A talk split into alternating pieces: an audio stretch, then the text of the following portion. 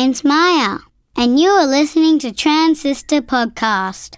This episode is brought to you by Trondheim Tech and produced in collaboration with Zedge Podcasteria. I really hope you like it. Du hører nå på Transistor, en podkast om mennesker som bygger ting. Her får du høre historier om folk som har valgt å følge en impuls, en radikal tanke, eller gjøre noe helt på tvers av normer og konvensjoner.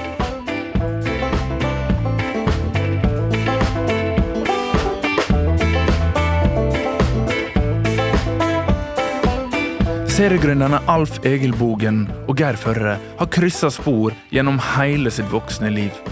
Fra å være klassekamerater på NTNU på begynnelsen av 90-tallet har de begge bygd selskap som omsetter for milliarder i mikrochipindustrien, og har solgt selskaper, noen ganger hverandres, også for milliarder. Og som i de fleste nære relasjoner har det også vært krangling.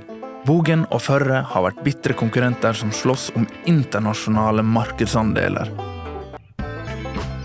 Under Teknoport i fjor sto de sammen på en scene for aller første gang. Og vi som satt i salen, ante ikke hva vi kunne forvente.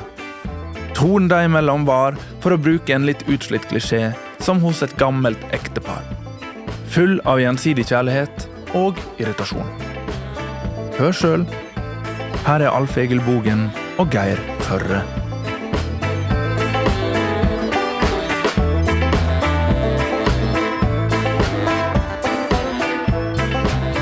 We have been friends, we have been uh, competitors, enemies, not enemies, maybe, but we have had some conflicts, of course. Never been fighting? Never been fighting, not, Not yet. really, no. Uh, good for you. And uh, So we met in 1990 at the study, sitting next to each other, um, learning what Alf is and has done the last uh, X years. Uh, he, to me, he is a, an- a unique combination of um, talent, technical talent, commercial skills, uh, creativity, passion, energy, competitiveness. I think you are probably um, in one single person you are uh, Reodor Felgen, Solan Gundersen, um, Blodstrupmoen, uh, Ben Redic Fy Fasan in one single person, and uh, likely a bit of uh, Emanuel Desperados as well, but uh, certainly no Ludwig uh, for sure. I, wish, I wish it was more, was more Ludwig, though. You need some Ludwigs together with you I as do, well, yeah. otherwise you will fail. Um, so he started together with uh, Vegard Vollan. He, uh, while being at Nordic Semiconductor, he and Vegard got a blessing to go to Silicon Valley, meet the CEO of Atmel, encouraging him to start a MCU, microcontroller business unit of Atmel in Norway, became Atmel Norway, based on the master thesis of, of uh, and, and Alf. The MCU, the microcontroller business, is the main, by, by far, number one business unit of uh, Atmel today and to have 8 billion NOK of revenue per year. So it's been a major success. Okay, not too much, right?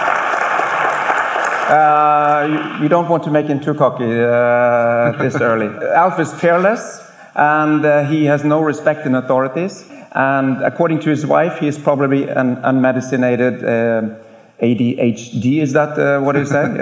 Yeah. And uh, yet he is very warm and kind, and uh, that is probably his number one weakness because he can literally cannot refuse anything or anyone. So that's uh, your. Well, that's an overstatement. okay, and I think, uh, I mean, we have a lot of similarities, to me and Geir, uh, but I think that uh, for, for most people, Geir is known as one of the most successful entrepreneurs by, by establishing Chipcon, selling that for more than 1 billion Norwegian kroner, then going off establishing Energy Micro and selling that for more than 1 billion Norwegian kroner. And I think that says something about Geir, and a lot of the things behind that, which I know more about, is also things we want to, to, to let you know today. But I think that's a great achievement as well. So if I, uh, we need to give you an applause as well.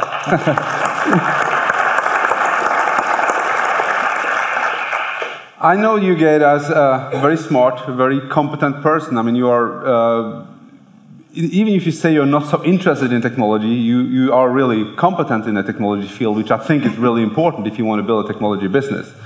Uh, what I know with you is that you are extremely intense and have a lot of energy. And I mean, sometimes too intense for the people around Even you. for you. Uh, even for me. But I think that's an important thing with you. I mean, if, if I compare you, for example, to athletes, I would say that Geir is the, or Petter Northug. I mean, that's able to actually be there at the right time with the right energy to actually win and never give up before it's uh, uh, before uh, I mean he, the victory is, is uh, secured.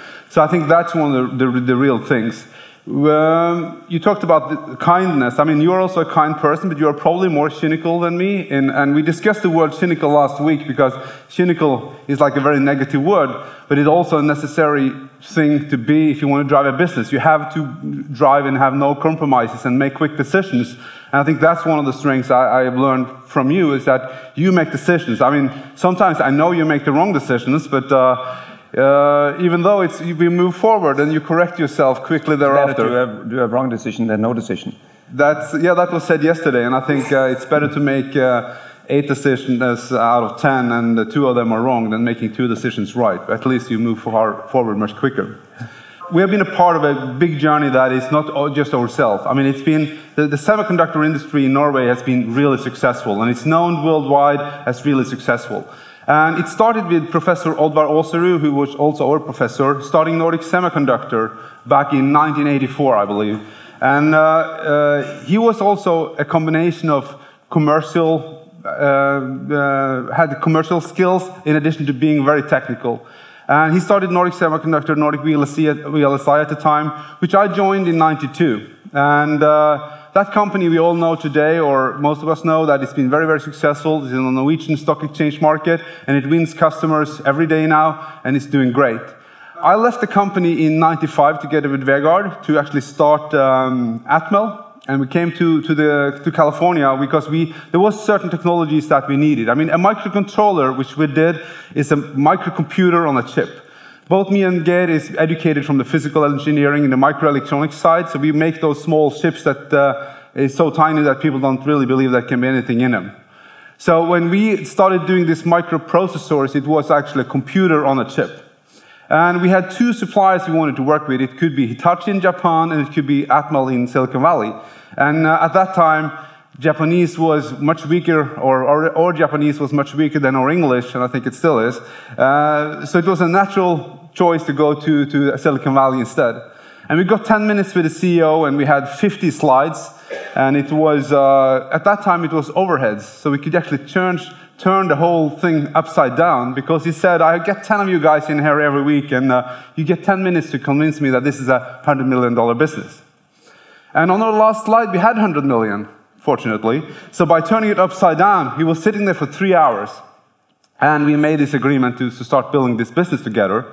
And we had never told him to date that our 100 million was Norwegian kroner, uh, while he was, of course, talking dollars. So that was a, that's how fast you can scale your business plan, actually.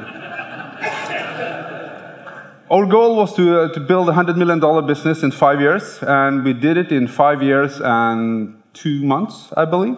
When I left in 2012, we had $1 billion of revenue of that product line that was headquartered and, and built here from, from Trondheim. So 1 billion US dollars with today, today's currency, that's actually 8.2 billion NOK, so that's good. Then, while you were starting your career at Nordic, I started my career at Sintef in Oslo. Uh, I'm working on a, on a small team doing analog and mixed signal integrated circuits. And uh, we were doing some research project and we're doing some uh, industrial project, uh, sometimes in competition with Nordic Semiconductor.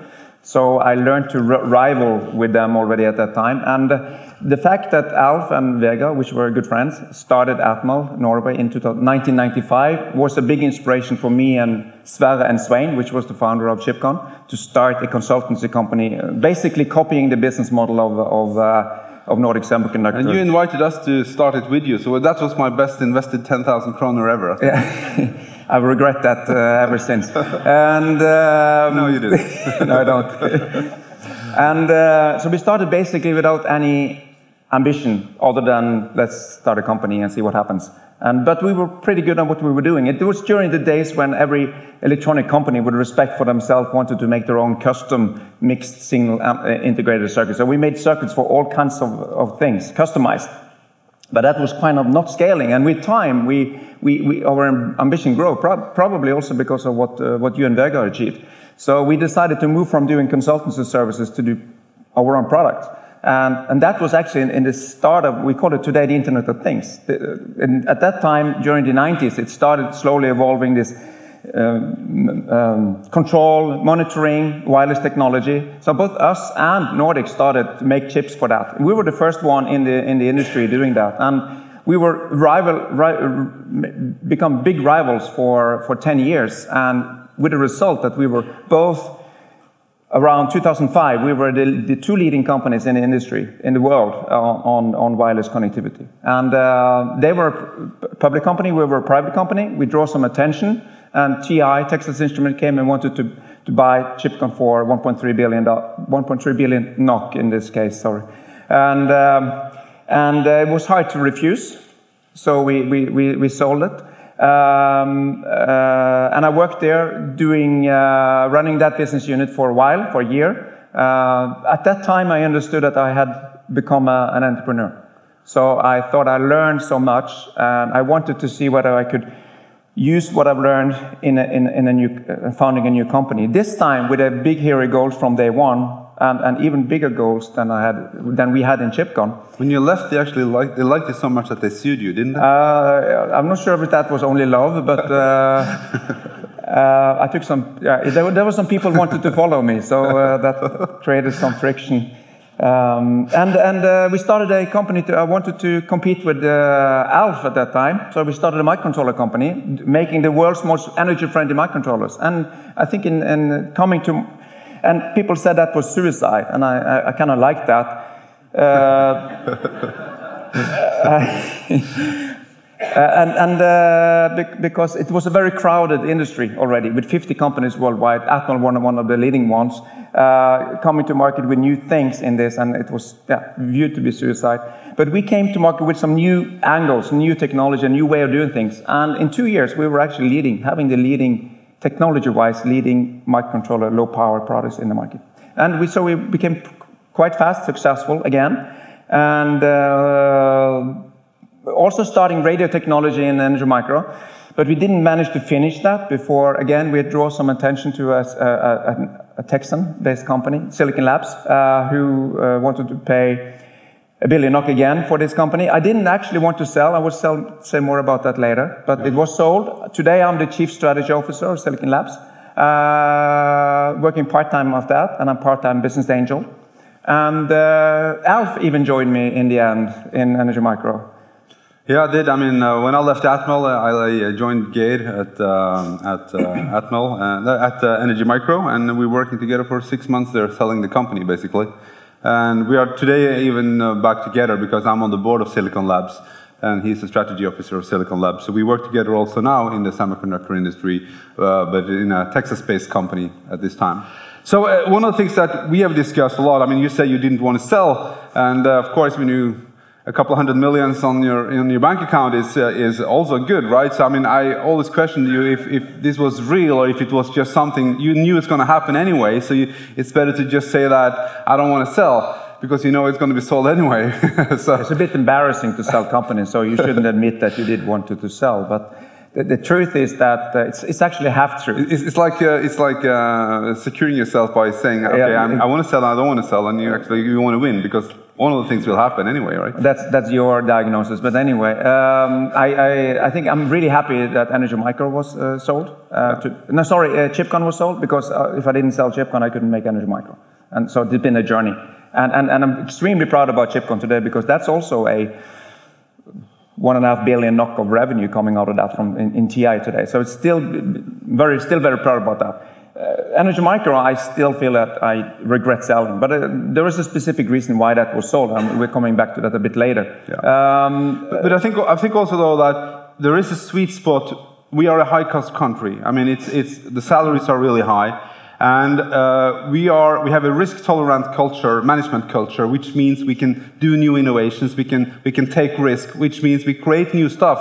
Uh, and I think that to sell a company at the stage which you did twice I think it's actually good timing because if you want to build it to the next level, the buyer will lose the timing element. uh, and you have to sell on revenue and profit, which is a much longer, probably four years later, you get the same valuation, right? So I think that yeah, the, the alternative to selling when you did is to actually build it much, much longer. Yeah. Not two years, three years, but maybe five, six, seven years longer. And financially, purely financially, you're absolutely right. But uh, my passion goes beyond th- that, and I wanted to build a billion-dollar revenue company. Right? Yeah. And uh, and you you have challenged me. Do, could we really do that? Right? Yeah. In Norway, where we have a few people. I think it's an interesting question because people always say that oh, you shouldn't sell it, should you should keep it as Norwegian, and I mean, is, but is that possible? I mean, it's the I think yes. Otherwise, I wouldn't have started Energy Micro because I thought it was actually possible. But yes, Oh, I do. But you said to me you didn't think it was possible begin the beginning, no, you're confusing you- me. but Uh, but you made it. You made yourself think it was possible on the way. That's what you said yesterday.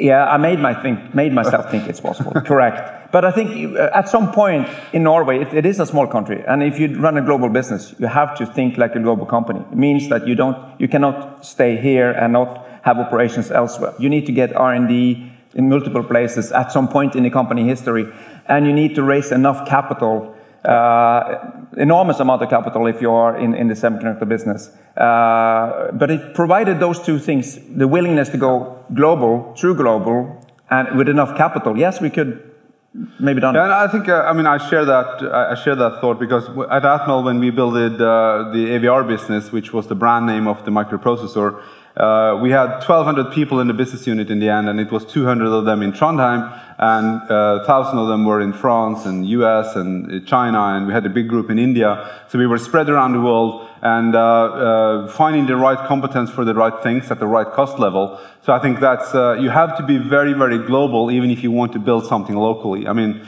you can't build everything here. The other challenge we have is as soon as you start to move close to consumer products, there is a lot of there is very little consumer products coming out of this region. Uh, we are still uh, proud of the Siemens mobile telephone or mobile telephone, which starts to be a while ago now. So, so to find competence in consumer uh, uh, product building is, is also tough in this region. So I think uh, the, the success, success factors of this story around the semiconductor industry, I think it actually started back when I asked Oddvar, I called him up the other day, and he said, for us it was really important that we got uh, funding from the, from the um, uh, Research Council and uh, Innovation Norway. And uh, also the fact that he got, uh, he got when he worked at Sintef, he got, uh, what do you say, he was kicked out with a warm foot. So he was uh, so with a good with a blessing that go do something, and that's the same as as uh, we experienced at, at uh, Nor- Nordic Semiconductor when we left. The CEO Oddbjørn Trojan was a great man who, who really blessed what we were trying to do and were supporting us instead of fighting us and, and suing us, right? So, so he was a, a great supporter of what we tried to do, and I think that's also important because I think this inspiration and this positive thing has been important for you as well, right? We talked about that I, many I times. think it, if it wasn't for the, that, the fact that Nordic Semiconductor started and the fact that you and Vegard started, I don't think Chipcon would have started. And if Chipcon didn't start, there wouldn't be an Energy Micro. So there's, there's a chain of reactions happening. So it's, to some extent, it's, it's coincidences. To some extent, it's inspiration. To some extent, it's uh, mutual rivalization. And, uh, and, and, and others, some people go forward for in front and, and show the possibilities and open others people's mind in terms of what can be done. And I think also that, I mean, you, you have a lot of experience raising the money. I'm having more experience in Spending building the business big. Hmm? Spending them. Yeah, spending them. I, I, I'm pretty good at that as well. uh, but I think that, uh, yeah, but you are better in that as well. That's true. I wonder about something, uh, Alf, and that is uh, when we were studying, there were, I, I don't even knew the word entrepreneurship. I, I would think there was somebody with an excavator and a, and, and a dumper, which, by the way, I have. That's Uh, what it, I asked him what, what he was doing last week, and he said he was, uh, he was uh, buying a dumper truck. Yeah. So I love, I love construction. And then I asked him, Uh, why don't you buy an excavator instead? Because I already have one, said. and it's true. But so there was no and no no consciousness about entrepreneurship founders at that time. There was, you couldn't go to school to teach how to do to, to learn entrepreneurship. To these days you can do that, but so and, and I didn't know for sure that I was going to be an entrepreneur at that time. What and I don't, don't even remember uh, literally why I ended up starting Chipcon other other than this inspiration. Why did you and Vegard take this step out of Nordic? Uh, I, am curious about that. I think one of the things we did at Nordic was that we, we, we tried to change the company from selling uh, services as a consultants company to actually start selling chips. So we, we sold the service to design a custom chip, and then we also sold and delivered the chips to the customer, while the business model before was that you bought it directly from the manufacturer after we have designed it. Uh, and, uh, uh, and then I was a heavy user of microcontrollers. I was sitting programming microcontrollers, and I, I found them very cumbersome to use. And it also was very, very expensive to, to get tools to get started. So I just wanted to change the game a little bit and, uh, and just do something different and make it available for everyone and make it easier to use so you don't have to read the book every morning to remember it. So uh, I don't so think it was passion it was a lot of passion about the technology, it was a lot of passion about the stuff, and also the commercial gene, as you, you talked about. I think that's important too. Mm. I always like to, to, to, communicate with people and present technology, and I think that's something we also have in common, actually. So, uh, what about yourself? Uh, what, what, what, what, we, we talked, when you, remember when we were sitting there in the room and we gave you some notes about, you have to write down, when we had the ah. kickoff meeting of Chipcon, we had some notes that we asked you to write down. What's, why do you want to why do you want to uh, start a business? Yeah, that's pretty funny because uh, because we, we knew of course Alf and Vegard as uh, kind of the Ben Redic Fasan types, and we were um, our the founders of Chipcon were a bit more modest at that time. Uh, so we so they asked us to write down on a note what we wanted to achieve by starting Chipcon, and and all of us three, funny enough, we thought that what they wanted us to do was to become rich so that they also could make some money. So we wrote down that uh, we want to become rich which was totally not true. but we wrote it anyway, so it's a kind of a funny story, your, your, your perception of what you were going to. But, but money has never been a, a, a driving force for me. It's kind of more like the, the, the evidence of a, of a, success more than, more than actually the, the driving force itself. And it's, it is nice with, to, to, to make some money, it gives you some freedom. But for me, it has been much more the construction piece, building something, creating something of value for something or someone um, that is uh, number one. But I also also had to admit that uh, that uh, I'm, I'm uh, probably I shouldn't say this, but I'm also driven a bit by by recognition. Uh, I think everyone are. Uh, I'm probably a bit more than the average, but every, all of you, we are all driven, driven by recognition. and, uh, that reminds especially you. Uh, no, but get so just to give you guys an example, when we sold Energy Micro, we were of course we were of course uh, selling it in U.S. dollars, and he was watching the exchange rate every day because he wanted the headline of Dagens Næringsliv to be one billion Norwegian kroner and not 980 million or something stupid number. So, so he this, was like, "These oh, are your words." so well, that's true. true. You said it. I was your marketing guy at that time. You, that's true. Yeah. And yesterday, you yesterday you were sitting here and said, "In my next life, I'm going to be a rock star." So there's something. All right. Uh, you don't, you don't I, think, we have, sing, I think so. we have to move on in the presentation. so so uh, there's there's lots of rewards. Pride. You you generate the, the passion uh, and it life's too short to be bored. So, so you, and you do get a lot of passion by, by running your own company and driving your own business. Um, there are also uh, sacrifices.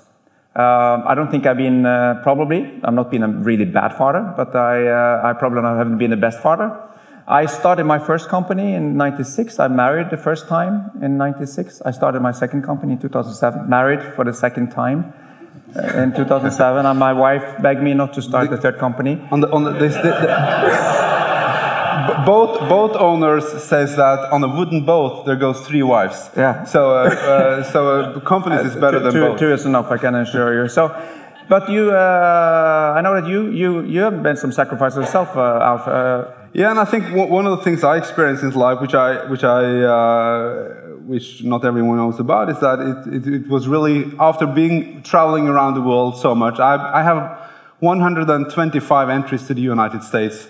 And I've been in all the other countries uh, around the world, not all, but I mean a lot of countries around the world. And uh, so I burned out. In 2006, I was sitting there with my tax report, and I had my tax report here, and I had, there was a form I was about to fill out, and I had like my friend's tax report there, and his numbers, and my numbers, and my tax report. It's quite an easy thing. I'm going to move five numbers from a paper into a, into a form, and I couldn't do it.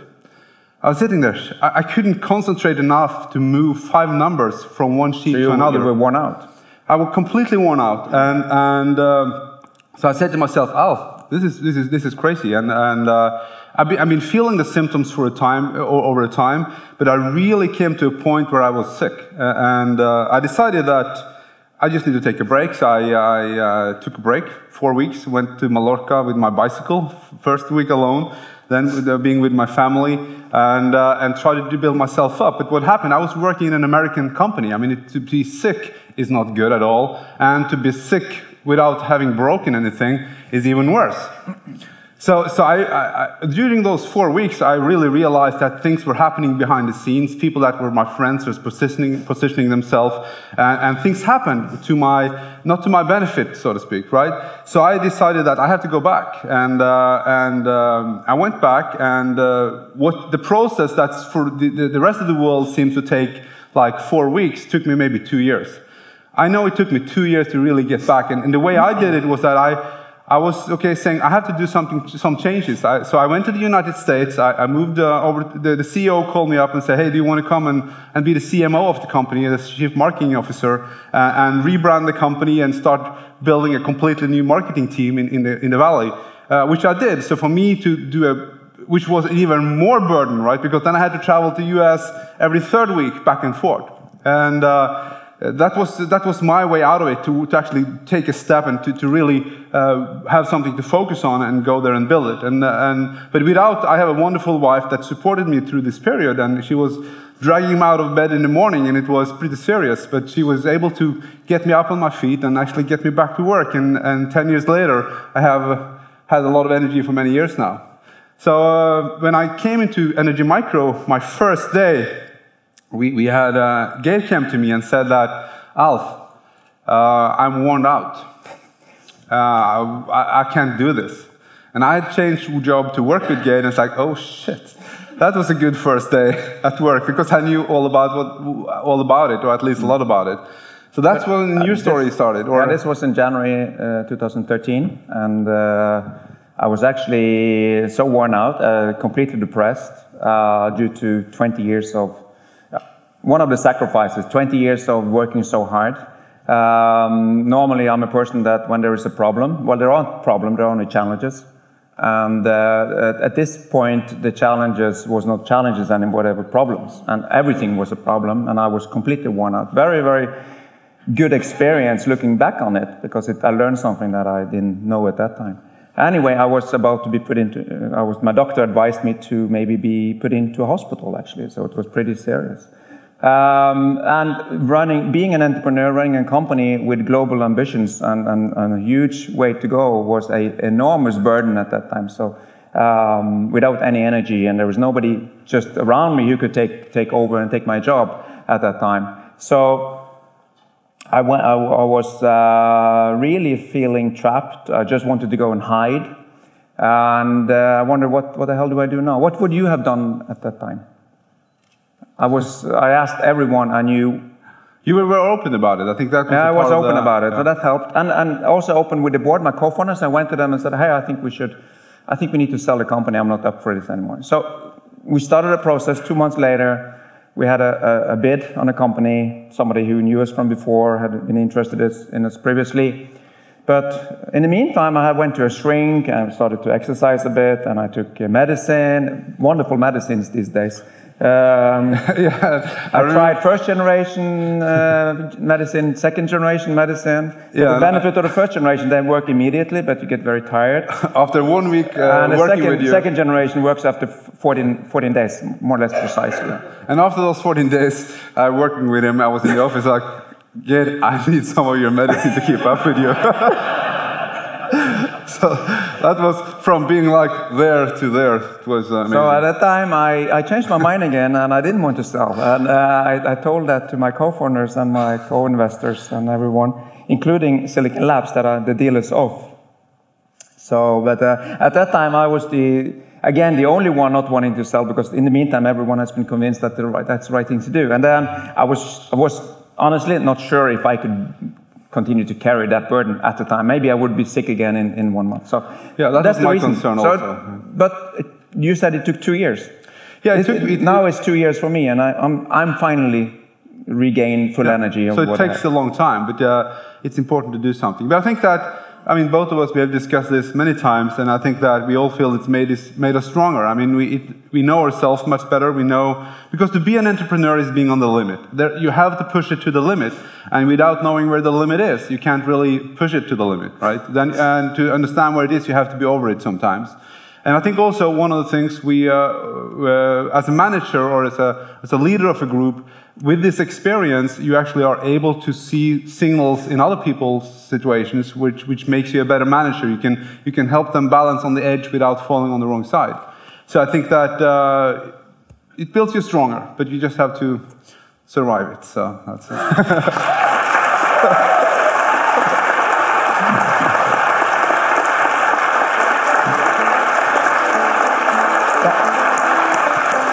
Time's out.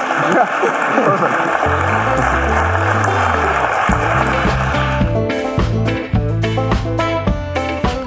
har nå hørt en episode med Transistor podkast fra Trondheim Tech. Episoden er spilt inn i Sedge Podkasteria og presenteres i samarbeid med Trondheimsregionen.